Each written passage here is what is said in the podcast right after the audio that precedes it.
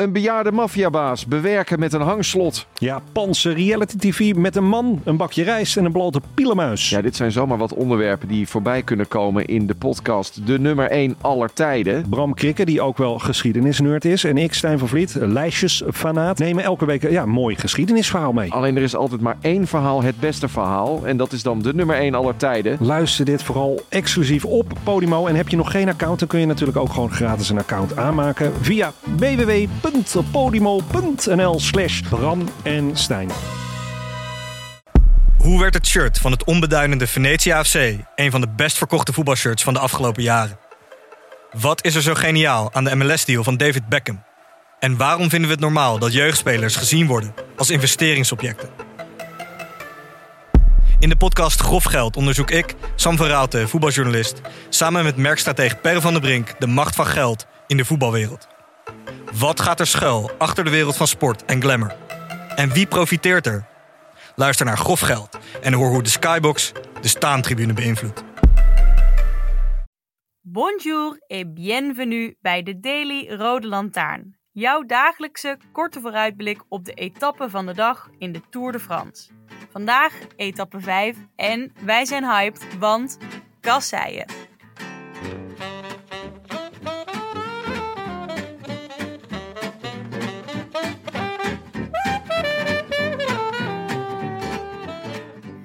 Zo, ehm, vandaag niet met Jonne, maar Willem. Ja, precies. Tegenvaller voor de vaste luisteraar misschien. Of is een meevaller, afhankelijk van hoe je over Jonne denkt. Maar ik ben het. Ik denk eh, vrij positief over Jonne, maar het voelt ook als een bonus dit een keer met jou te mogen doen. Zo, echt hè? Mijn debuut op Spotify. Ja, nou eh, ja, niet helemaal, maar de Spotify Daily dan. Ja, Ehm, spreekwoordelijk debuut. Precies. Eh, voor wie jou niet kent, Willem, ik kan het me bijna niet voorstellen, maar doe even een korte introductie.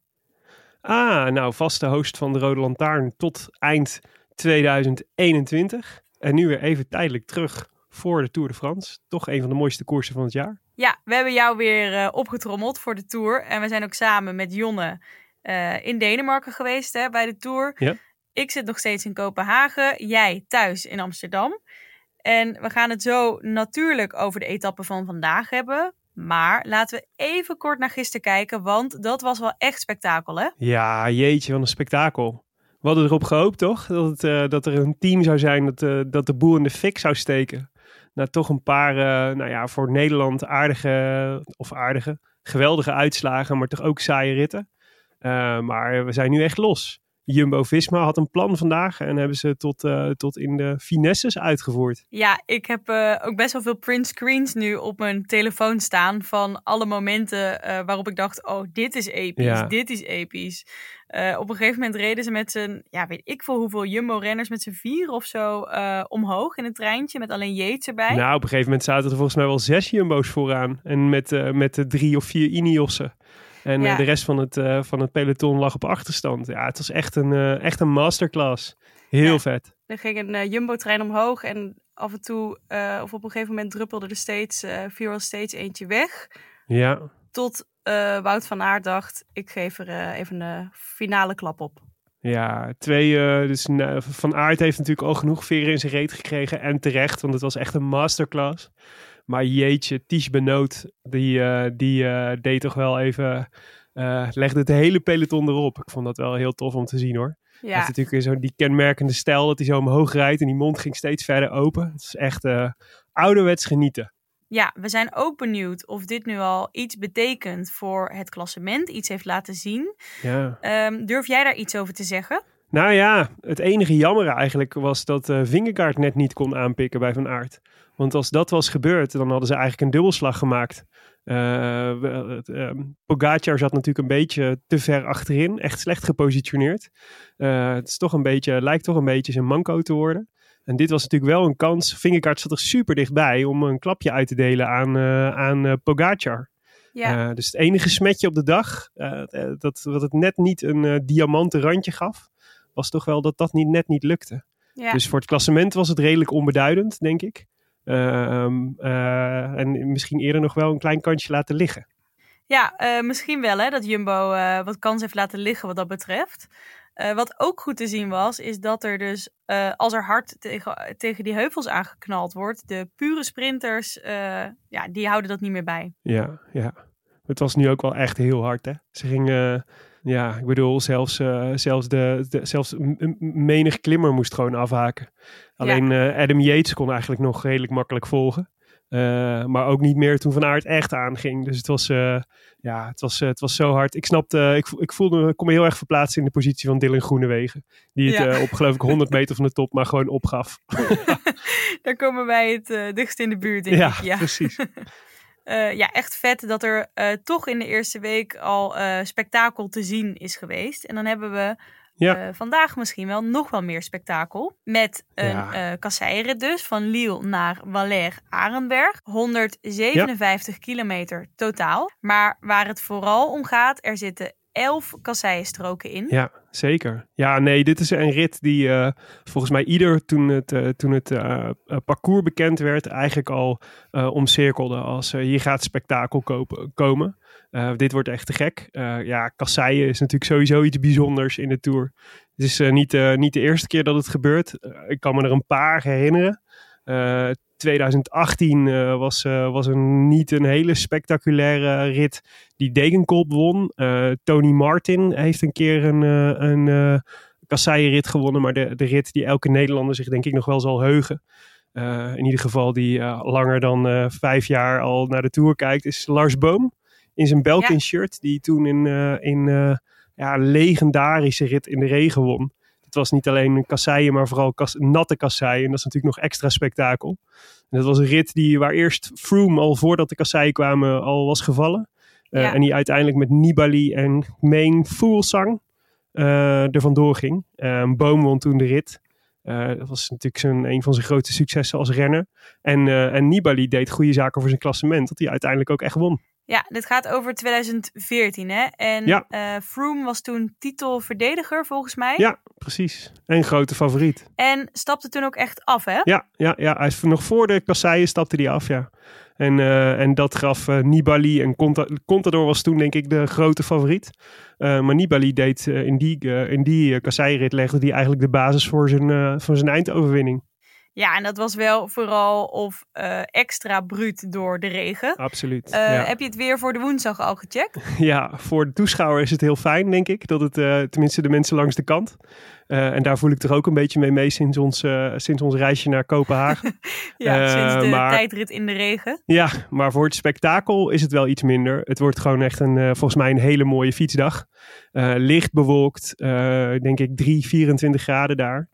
Uh, dus van het weer hoeven we het morgen niet te hebben. Nee, al uh, worden veel klassementsmannen niet per se blij van kasseien. Ja, dat klopt. Nee, de meesten zijn het ook helemaal niet gewend om uh, over kasseien te rijden. En dus zie je ook wel in de ploegsamenstelling dat de meeste klassementsmannen ook wel iemand hebben meegenomen die juist heel erg ervaren is op kasseien. Die ze een beetje door de dag heen kan loodsen. Uh, en een van die mensen is uh, Wout van Aert, die uh, gisteren weliswaar voor, voor eigen succes mocht rijden. maar die vanmiddag gewoon moet zorgen dat Roglic en Vingegaard veilig over de kasseien komen. En bij de andere teams, van wie moeten ze het daar dan hebben? Ja, nou ja, ze hebben overal wel, wel wat mensen. Dus bij, bij Ineos hebben ze het geluk dat, ze, dat, ze, dat Thomas, een van hun klassementsmannen, sowieso wel goed over kasseien kan. maar ze hebben natuurlijk ook Dylan van Baarle in de ploeg, die Parijs-Roubaix heeft gewonnen. Um, en even kijken, ja, bij Pogacar, bij UAE vind ik het wel moeilijker te zeggen. Die hadden eigenlijk Trentin op de lijst staan. Uh, maar en Trentin is wel iemand die over de kasseien kan, maar die is op het laatste moment afgehaakt. Dus Pogacar heeft denk ik wel uh, een nadeel.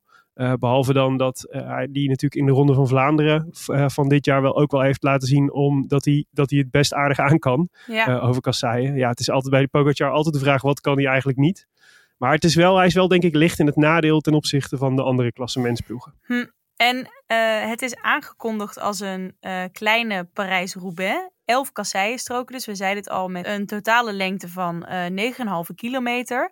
Is dat een, een terechte naam, kleine Parijs-Roubaix? Um, dat vind ik toch wel lastig. Kijk, Parijs-Roubaix is, is een mega zware koers. met geloof ik 25 stroken. Uh, en ook stroken die over het algemeen wel wat zwaarder zijn dan uh, hier in deze, in deze rit uh, die je vanmiddag gaat zien. Uh, dus dit zijn weliswaar 11 stroken. Er zitten twee vier sterren stroken in. Dat betekent dat zijn dan van de zwaardere categorieën. Maar bijvoorbeeld niet drie vijf sterren stroken zoals in, in Parijs-Roubaix. Nou, dat is echt, uh, die zijn echt heel erg, die liggen echt heel erg slecht. Um, en van die elf stroken zijn er ook best wel wat echt nette kasseistroken. Uh, dus waar bijvoorbeeld gras tussen de stenen groeit. Uh, en dan zou je zeggen, wat maakt het uit? Want je moet nog steeds over de kinderkoppen. Maar dat maakt het wel echt een stuk makkelijker. Ja. Dus um, het is wel, er, zitten wel veel kasseien in. Maar ja, een, een, een kleine Parijs-Roubaix is wel echt veel eer, vind ik, voor, voor deze rit. Uh, ja, Jon heeft volgens mij wel eens over Parijs-Roubaix gezegd. Uh, daar flikkeren ze de stenen gewoon op straat. En uh, kijk maar ja. hoe je er overheen komt. Ja, nee, zeker. Nee, bij, bijna letterlijk dat je ze elk jaar wel ergens een kasseistrook weer helemaal, weer helemaal leegmaken. En dan de kassei er opnieuw in flikkeren. ja. gewoon voor het gevoel. ja. Ik ben benieuwd of jij er eigenlijk ervaring hebt met over die steentjes heen gaan. Nou, ik woon in Amsterdam, dus mijn voornaamste kasseienervaring is uh, als ik over de Dam fiets. en dan waan ik me wel, dan waan ik me wel in Parijs-Roubaix, maar ik vrees dat het er niet zo heel veel mee te maken heeft. Al ja. denk ik altijd, heb je op de Dam weer hele andere gevaren. Want in Parijs-Roubaix kom je nooit trams tegen, bijvoorbeeld. of Chinese toeristen. Heel goed. Uh, ik ja. ben wel eens per ongeluk op een uh, strookje bergafwaarts gekomen. En ja. toen had ik van die armstukken aan. Oh. En die had ik niet meer aan toen ik uh, beneden kwam. Die waren er gewoon afgetrild. En ik kon ook eigenlijk niet meer remmen. Nou, toen dacht ik, uh, dit vind ik helemaal niet leuk. Ik wil dit helemaal nooit meer. Snap ik heel goed. Nou ja, de, de, de enige strook waar ik, uh, waar ik denk ik als renner echt tegen op zou zien, is de eerste. Uh, waar die, omdat hij ook nog bergafwaarts gaat. Dus daar kom je, kom je waarschijnlijk met heel veel snelheid, komen ze, gaan ze die kasseistrook op. Uh, en dan is het meteen uh, uh, licht bergaf, weliswaar. Maar toch bergaf. Dus daar ga je echt enorme snelheden halen. En dan ben je echt nog niet gewend aan hoe het voelt om op die kasseien te gaan. Nee. dus daarvoor spel ik wel spektakel. Overigens zitten die elf stroken ook allemaal in de tweede helft van de race. Dus het is wel fijn, ook in het kader van de planning van je koersdutjes. Rond kwart voor vier moet je koersdutje ongeveer zijn afgelopen. Want ja. dan beginnen de kasseien. Uh, uitgaande van dat ze rond kwart over vijf, half zes, uh, half zes gaan finishen. Maar alles zit dus eigenlijk in de laatste 70 kilometer. Ja, uh, goede tip. Dus kwart voor vier moeten we de wekker zetten. Ja, precies. Oké, okay, laten we dan naar de topfavoriet gaan. Ja, ja, nou normaal gesproken als het echt slecht weer zou zijn. Of de, de stroken toch iets zwaarder zijn dan ik zou denken. Dan zou ik zeker Mathieu van der Poel kiezen. Uh, en ik denk nu nog steeds, want Mathieu van der Poel kan nog steeds winnen. Maar ik denk wel dat zijn voordeel een klein beetje minder is. Uh, nu het weer zo goed lijkt. Ja, nou, ik hoop dat hij uh, toch zijn, zijn zinnen erop gezet heeft. het donker paard, volgens jou. Dark Horse. en uh, ik zou het twee noemen, denk ik. Eén, uh, een beetje in combinatie met Mathieu van der Poel. Zijn ploeggenoot Jasper Philipsen kan dit ook. De eerste paar stroken uh, zaten, zitten ook in de GP Denain. die hebben zij allebei gewonnen. Dus Philipsen kan dat ook. en Philipsen kan heel goed profiteren van het feit dat Van der Poel een grote topfavoriet is. Dus als er een groepje overblijft en Philipsen heeft geen pech en is in staat om gewoon die voorste groep te volgen. Wat zeer wel mogelijk is dan geef ik hem een hele goede kans. En hij heeft natuurlijk ook nog wel wat goed te maken naar gisteren.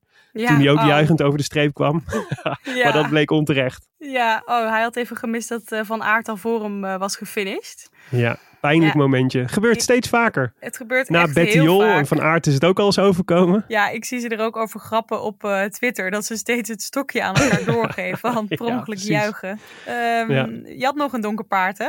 Nou, als ik er nog één zou mogen noemen, dan is het wel Mats Pedersen. Want ik was, uh, ja, ja, het is natuurlijk jammer dat het hem in Denemarken niet gelukt is om een rit te winnen. Maar ik was wel echt onder de indruk van hoe sterk hij was.